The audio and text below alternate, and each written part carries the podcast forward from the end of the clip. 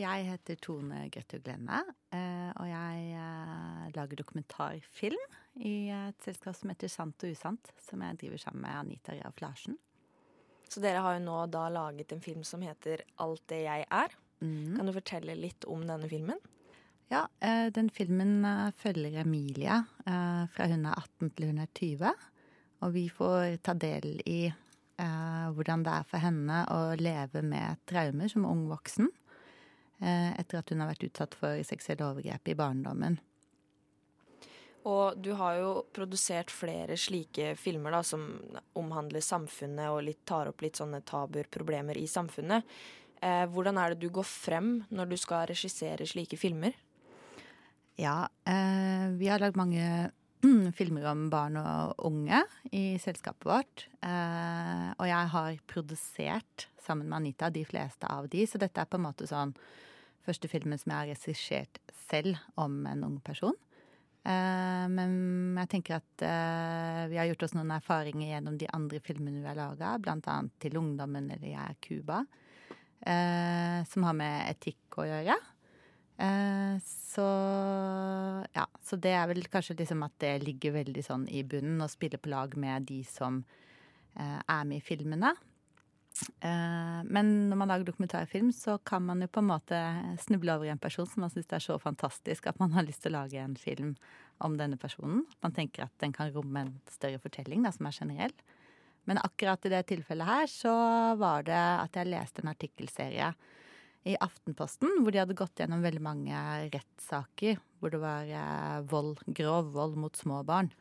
Eh, og så gjorde det så innmari inntrykk på meg, og så tenkte jeg at eh, når vi nå først driver og lager dokumentarfilm, eh, og dokumentarfilm har denne enorme kraften til å bevege og gå inn i kompliserte tematikker på en helt annen måte, da, for å åpne opp, så hadde jeg lyst til at vi skulle bruke noen år på å lage en film som kunne bidra inn i arbeidet mot vold og seksuelle overgrep mot barn. Mm. Ja, for, for, deg, da, som produsent og regissør og sånne ting, hvordan er det når du hører så sterke historier, da? Ja, jeg tenker at eh, vel, liksom, Samme hva slags posisjon man har i samfunnet, om man jobber i Radionova eller om man Samme hvor man eh, jobber, da. Så tenker jeg at man lar seg jo berøre av det som skjer rundt. Og så tenker jeg at eh, man alle har en mulighet til å bidra inn fra det ståstedet man er. Om man er mor og har barn som er sammen med andre barn, eller man eh, bor i et nabolag og kan være litt nabokjerring, eller hva man gjør, da. Men jeg tenker jo at som dokumentarist så tenker jeg jo at man har et ekstra ansvar for å gå inn i, uh, inn i tematikker og prøve å løfte det opp. Og ja. Mm. ja. Det er vel kanskje noe av det du ønsker å formidle med den dokumentaren her, da. Mm. Um, kan du fortelle litt bare sånn hva på en måte hovedtrekka Hva er det viktigste dere ønsker å få fram med den dokumentaren her? Ja, jeg tror det endrer seg litt sånn uh, underveis også. Um, før jeg traff Emilie, men da jeg hadde bestemt meg for å lage filmen, så uh, visste jeg at vi kom til å ha lyst til å lage et endringsprosjekt rundt filmen. At det skulle ikke bare være en film, og så skulle den gå på TV eller på kino, og så ferdig. Men vi skulle lage et endringsprosjekt som gjør at vi kan bruke filmen som et redskap til å skape endring i flere år frem i tid. I USA for eksempel så er sånn impact heter det kjempevanlige. Uh, Bully, for eksempel, har jo uh, Når den filmen kom, uh, så ble den jo sett av noen. men så jobba de jo i ti år med dette endringsprosjektet sitt. og har til sammen fått liksom ti millioner skoleungdom til å se denne filmen. De har endra lover, de har ja, gjort kjempemasse. Så det var en sånn stor inspirasjon da, til å kunne liksom gjøre noe stort og mye mer enn bare lage filmen. Men Først så tenkte jeg liksom dette med å bryte tabu, fortelle folk at de kan være den ene for noen andre. At det var viktig. Men da jeg traff Emilie, så er det jo litt viktig at det endringsprosjektet også på en måte henger sammen med den som du lager filmen om. Sånn at ikke du liksom Dette vil jeg endre, og filmen her, så er de liksom på to forskjellige steder. Og det vi så med Emilie, var at hun selv ville så gjerne være en stemme for andre unge. Sånn at de skulle ikke føle at de var aleine. Så det ble viktig for oss å ta med det videre. Og så var det det her med at voksne ikke ser de signalene eh, som barn prøver å sende ut. Sånn som Emilie sier i filmen. Hun sier til læreren sin i samlingsstunda jeg, jeg er morgenkvalm. Og så ler klassen av henne, og så går ikke læreren noe mer inn i det, da. Så da tenkte vi at eh, det ville være fint å lage et verktøy til lærerne, sånn at de kan få mer kompetanse på å på en måte plukke opp signaler og vite hva de skal gjøre og snakke med barna og sånn, da. Ja, for det er et e-læringsverktøy som dere har begynt å produsere. Mm. Hvor man kan bruke denne dokumentaren og andre plattformer for å undervise lærere, da. Eller for å gi mer kunnskap til lærere, barnehagelærere, de som eh, jobber med barn, da. Kan du fortelle litt om det? Ja, vi har utvikla det sammen med Universitetet i Sørøst-Norge. Og eh, Kari der, som er ansvarlig for lærerutdanningen, hun har hjulpet oss å definere sånn syv kapitler som lærere bør Som kan passes inn i en lærerutdannelse. Altså seksualitetsundervisning og mange forskjellige ting. Eh, og så eh, er det sånn at gjennom syv kapitler så er det Emilie sin historie fra hun er 11 og 12. Av hennes tid på barneskolen. Og hva som skjedde med henne rett før hun varsla, under varslingen og rett etterpå. Sett i sånn skolesammenheng. Som tar deg gjennom disse syv kapitlene. Og så er det fagkunnskap og refleksjonskunnskap som på en måte kommer inn i hvert kapittel, da. Og det mm, Litt av problemet er jo på en måte at det, fins jo noen verktøy som ligger ute, i læringsverktøy. Men de ligger der, og så er det liksom opp til læreren å finne de selv, da, eller lærerstudentene å finne de selv og gå gjennom de selv på eget initiativ. Men det vi har lagd en teknisk plattform som gjør at det må lastes inn fra toppen og ned. Sånn at uh, hvis f.eks. Uh, i Oslo, da, hvis lærerstudentene i Oslo har lyst til å bruke det, så kan vi laste de inn i systemet. Men da må det først på en måte være en villa handling fra universitetet, sånn at vi vet at de faktisk bruker det. Sånn at vi liksom på en måte ikke sier ja, det ligger åpent der, og så tenker vi at ja, nå fikser det seg selv, for det gjør det ikke. Frivillighetsprinsippet, det fungerer ikke, tror jeg. Nei. For eh, regjeringen har jo faktisk gått inn og endra rammeplanene for lærerutdanninger og sånn, og ønsker at de skal ha mer kunnskap om om det her da med seksuelle overgrep mot barn og slike ting. Så da kan det hende at det er en måte at dere følger opp, da. For det er jo ikke så mye oppfølging, kanskje, mm, i kommunene og på universitetene, som du sier, da. Jeg tenker at eh, de universitetsstudentene, det de sier i undersøkelsene selv, er at de føler at de mangler den kunnskapen. Så da vil det jo si at det er et gap mellom de rammeplanene som regjeringa har gitt ut, og det som faktisk skjer i praksis under opplæring. Og så ønsker vi på en måte da å være ett av mange redskap som vi kan tilby uh, for at det kanskje skal være mer strukturert opplæring, da. Mm. Og for, under, uh, for universitetsstudenter så har vi valgt å, um, å, åpne det opp Eller på en måte liksom Da kan man bruke det, og det koster ingenting. Sånn at da handler det egentlig bare om at universitetene har lyst til å bruke det, at de tar kontakt med oss. Så vi får en mulighet til å laste inn studentene og så kan de bruke det. Ja, for sånn litt tilbake til det du nevnte, det med barn og signaler. Mm. At barn ofte Det er undersøkelser som viser at barn ofte ikke sier eller nevner noe om at de blir utsatt for overgrep, med mindre det blir tatt opp i en situasjon hvor det er veldig åpna for at man skal snakke om temaet. Men at de heller gir ut signaler. Tror du det kan være en av de grunnene til at det er så mange voksne som syns det er vanskelig å ta det opp med barn, da? Mm. Ja, de sier at det tar 17 år i snitt før eh, man orker å snakke om de overgrepene man har blitt utsatt for. Så det sier at 17 år er ganske lang tid. Så er det så mye skam og så mye skyld i, eh, som man opplever når man har vært utsatt for overgrep. At, og du kan jo tenke deg selv, hvis du nå Hvis alle tenker på hva er det mest verste, flaueste jeg har vært med på, og så skal du fortelle det til noen helt uoppfordra. Du gjør jo ikke det.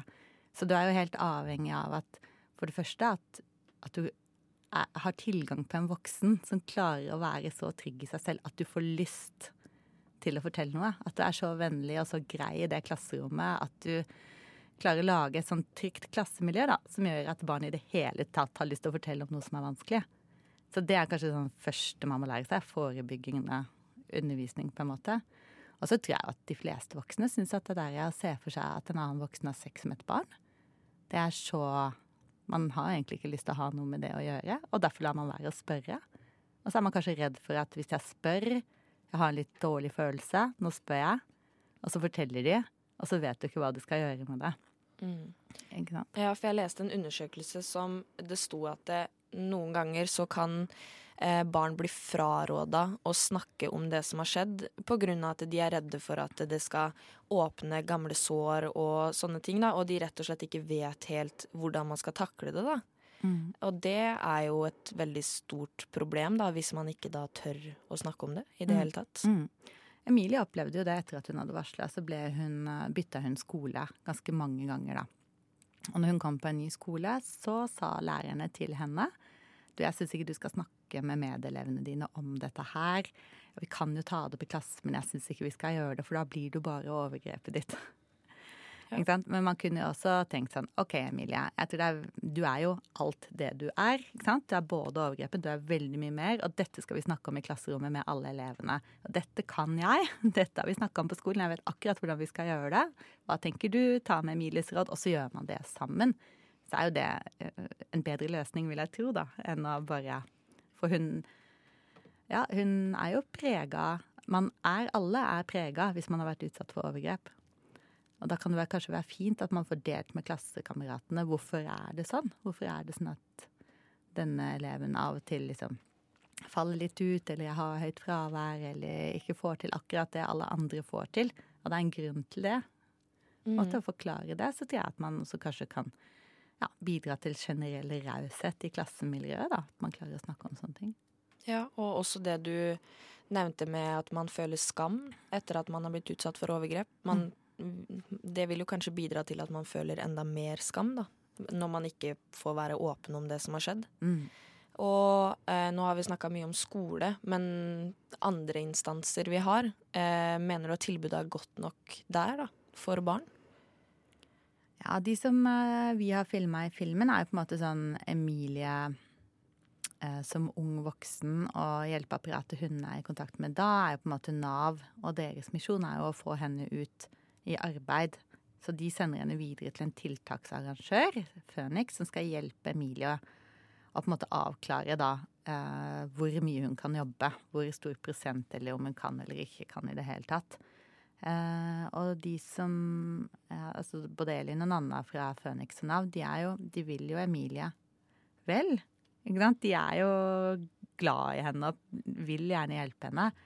Men det er jo ikke noe rom i regelverket for å ta hensyn til den helsa Emilie er i, da. ikke sant? De skal ikke snakke om traume. De skal, det, det er bare en diagnose. Det, det spiller ingen rolle. Nå skal vi se på hvilke bedriftsbesøk vi kan gjøre, ikke sant? Ja. Så jeg tenker jo eh, Og følger jo også at Nav eh, er det mange Nav-kontor som har sett filmen.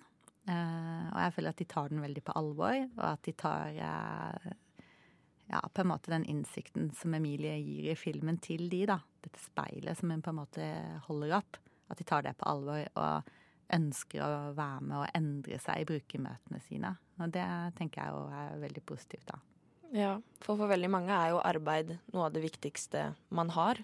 Og hvor viktig er på en måte samtaler om overgrep og at man skal komme seg videre? Hvor viktig er det for å fungere i det dagligdagse livet, da? Mm. Ja, jeg tror at, eh, at det sikkert um, Du må jo på en måte være på det stedet hvor du i det hele tatt klarer å være klar for å jobbe. Emilie hun er jo bare 18 år når hun kommer inn i Nav. Eh, og når hun kommer inn der, eh, så slipper overgriperen hennes også ut av fengsel. Sånn at hennes hode er jo helt fylt med frykt for han. Så hun har jo ikke noe plass i hodet sitt til å tenke på hva hun har lyst til å bli, eh, bli eller ikke sant. Og det er det ikke så stor forståelse for i dette systemet. For hun er jo på arbeidsavklaringspenger, og hun må være på bedriftsbesøk for å få utbetalt disse pengene. ikke sant. Så, ja, så hun er kanskje ikke akkurat i hennes tilfelle, som man ser i filmen, så tenker jeg at hun har nok med bare å plassere i livet sitt. Hun trenger ikke noe krav på toppen av det. Mm. Ja, for etter fylte 18 år er det sånn at det, at det blir litt mindre tilbud eh, for steder å gå, da.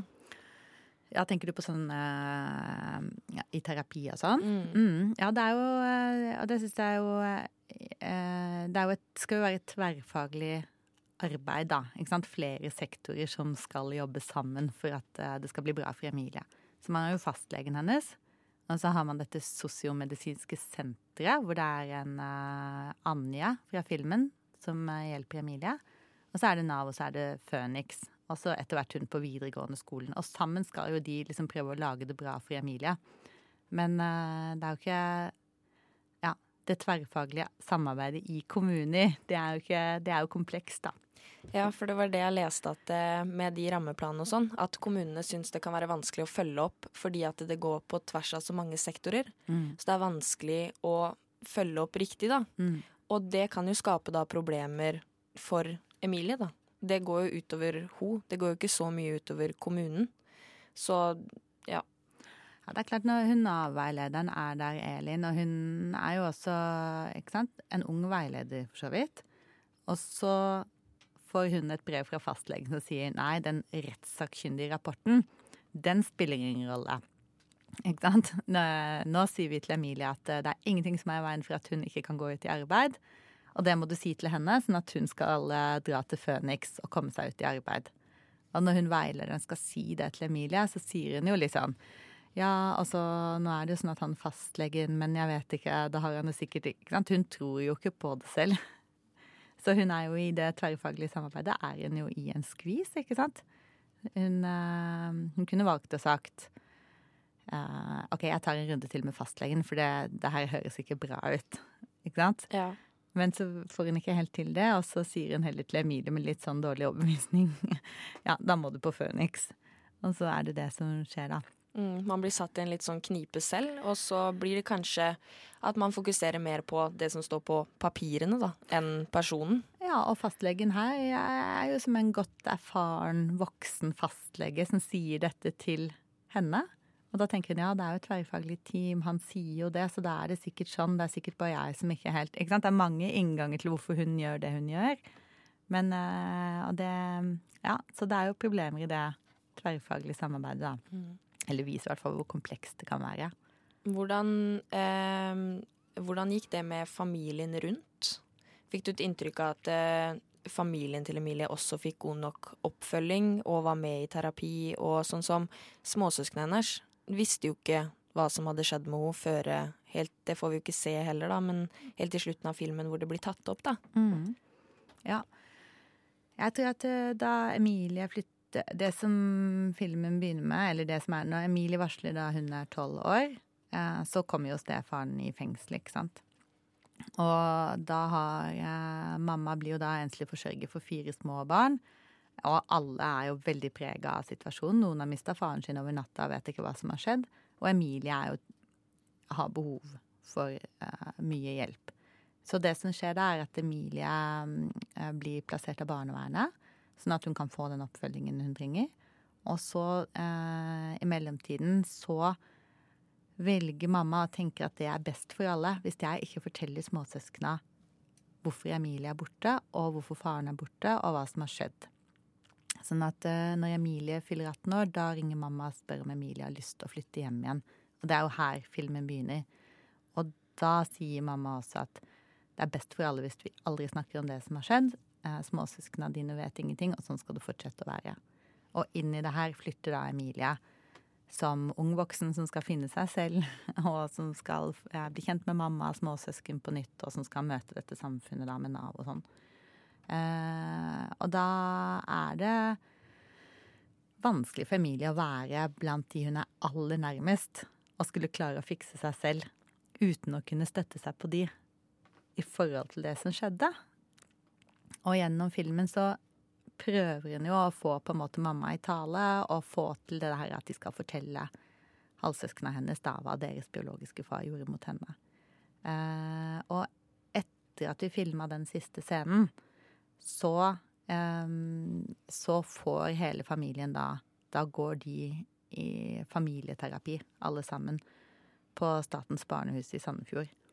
Og så venter vi et år før vi begynner å klippe filmen, for å få en faglig vurdering om, om man tenker at familien kan bære en sånn film.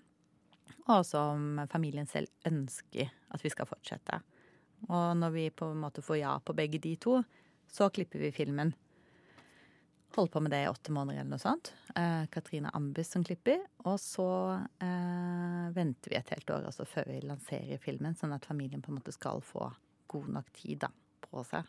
Mm. Ja, Så da har de fått den tida til å se at det er noe de faktisk vil gå gjennom med, da. Ja, ikke sant. Ja, det er jo veldig bra. Og da hører vi også at det er jo instanser rundt som kan hjelpe, og som tilbyr hjelp. Men eh, jeg har jo lest at de mangler jo ressurser.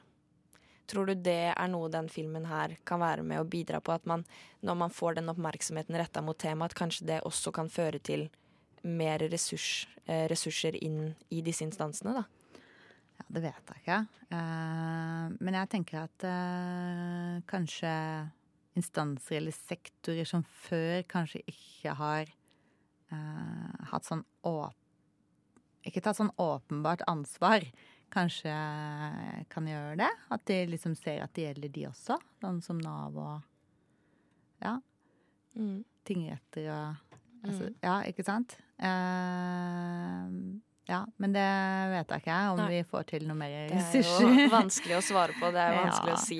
Men jeg tenker jo at det fins jo veldig mange over Norge som jobber veldig mye med denne tematikken knallhardt hver eneste dag. Alt fra NKTS-ene til SMISO til alt mulig. Mm. Og, og, vi håper at, ja, at, de kan bruke filmen eh, sånn som eh, de ser det fornuftig, da. Til å på en måte ha en annen inngang til å, ja, til å kjempe sin sak. Ja, for jeg ser jo at dere både har samarbeida med Frogn kommune, stemmer det? Ja, vi har gjort en uh, liten pilot sammen med Frogn kommune hvor vi har testa det der eh, e-læringsverktøyet vårt. Mm. Har du fått noen respons på hvordan det Det har kanskje ikke gått så lang tid, da, men hvordan det har fungert til nå? De har ja, det var en ganske kort pilot vi gjorde i mai for et år siden. Uh, hvor vi testa dette med frivillighetsprinsippet. Hvor skolesjefen spurte sine åtte rektorer om uh, hvem som hadde lyst til å være med. Og da var det tre rektorer som sa at de ville. Og så eh, valgte de selv ut de lærerne som skulle bruke det. Og da valgte de fire lærere hver.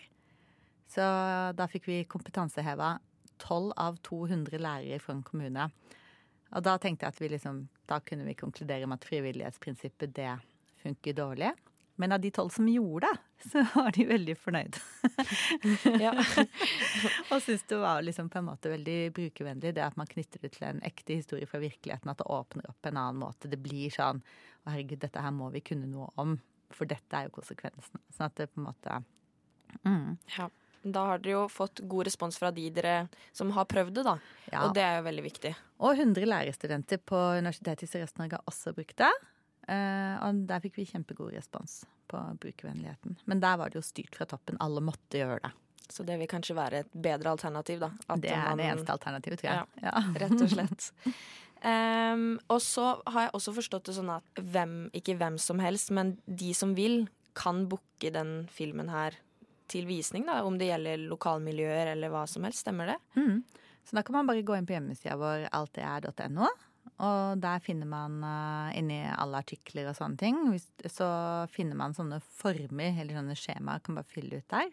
Der har vi fått uh, ja, 90 henvendelser siste måneden fra på en måte sånn alt fra Nav-kontoret til uh, organisasjoner til altså bare alt mulig som ønsker å se filmen på en lukka visning. Fordi da kan man på en måte bare velge seg en dag og et tidspunkt, og så booker vi kinoen for de. Og så kan de gå og se den. Uh, mens nå er det jo åpne ordinære visninger for eh, publikum eh, rundt omkring i Norge. Og da går man jo bare på kino sånn helt vanlig. Men de neste to åra har vi satt av til å jobbe med det prosjektet her. Og gi bedrifter, organisasjoner og kommuner muligheten til å se filmen på kino. Og prøve å få ut education storytelling til universitet og kommuner. Og så har vi fått bekrefta nå at, ehm, at, Nav vil være med oss og lage et e-læringsverktøy for å få bedre brukermøte for Nav-veilederne. Og det er vi veldig stolte av, da. Ja, det høres veldig bra ut. Da vil jeg gjerne takke for intervjuet. Takk for at du kom. Takk til deg.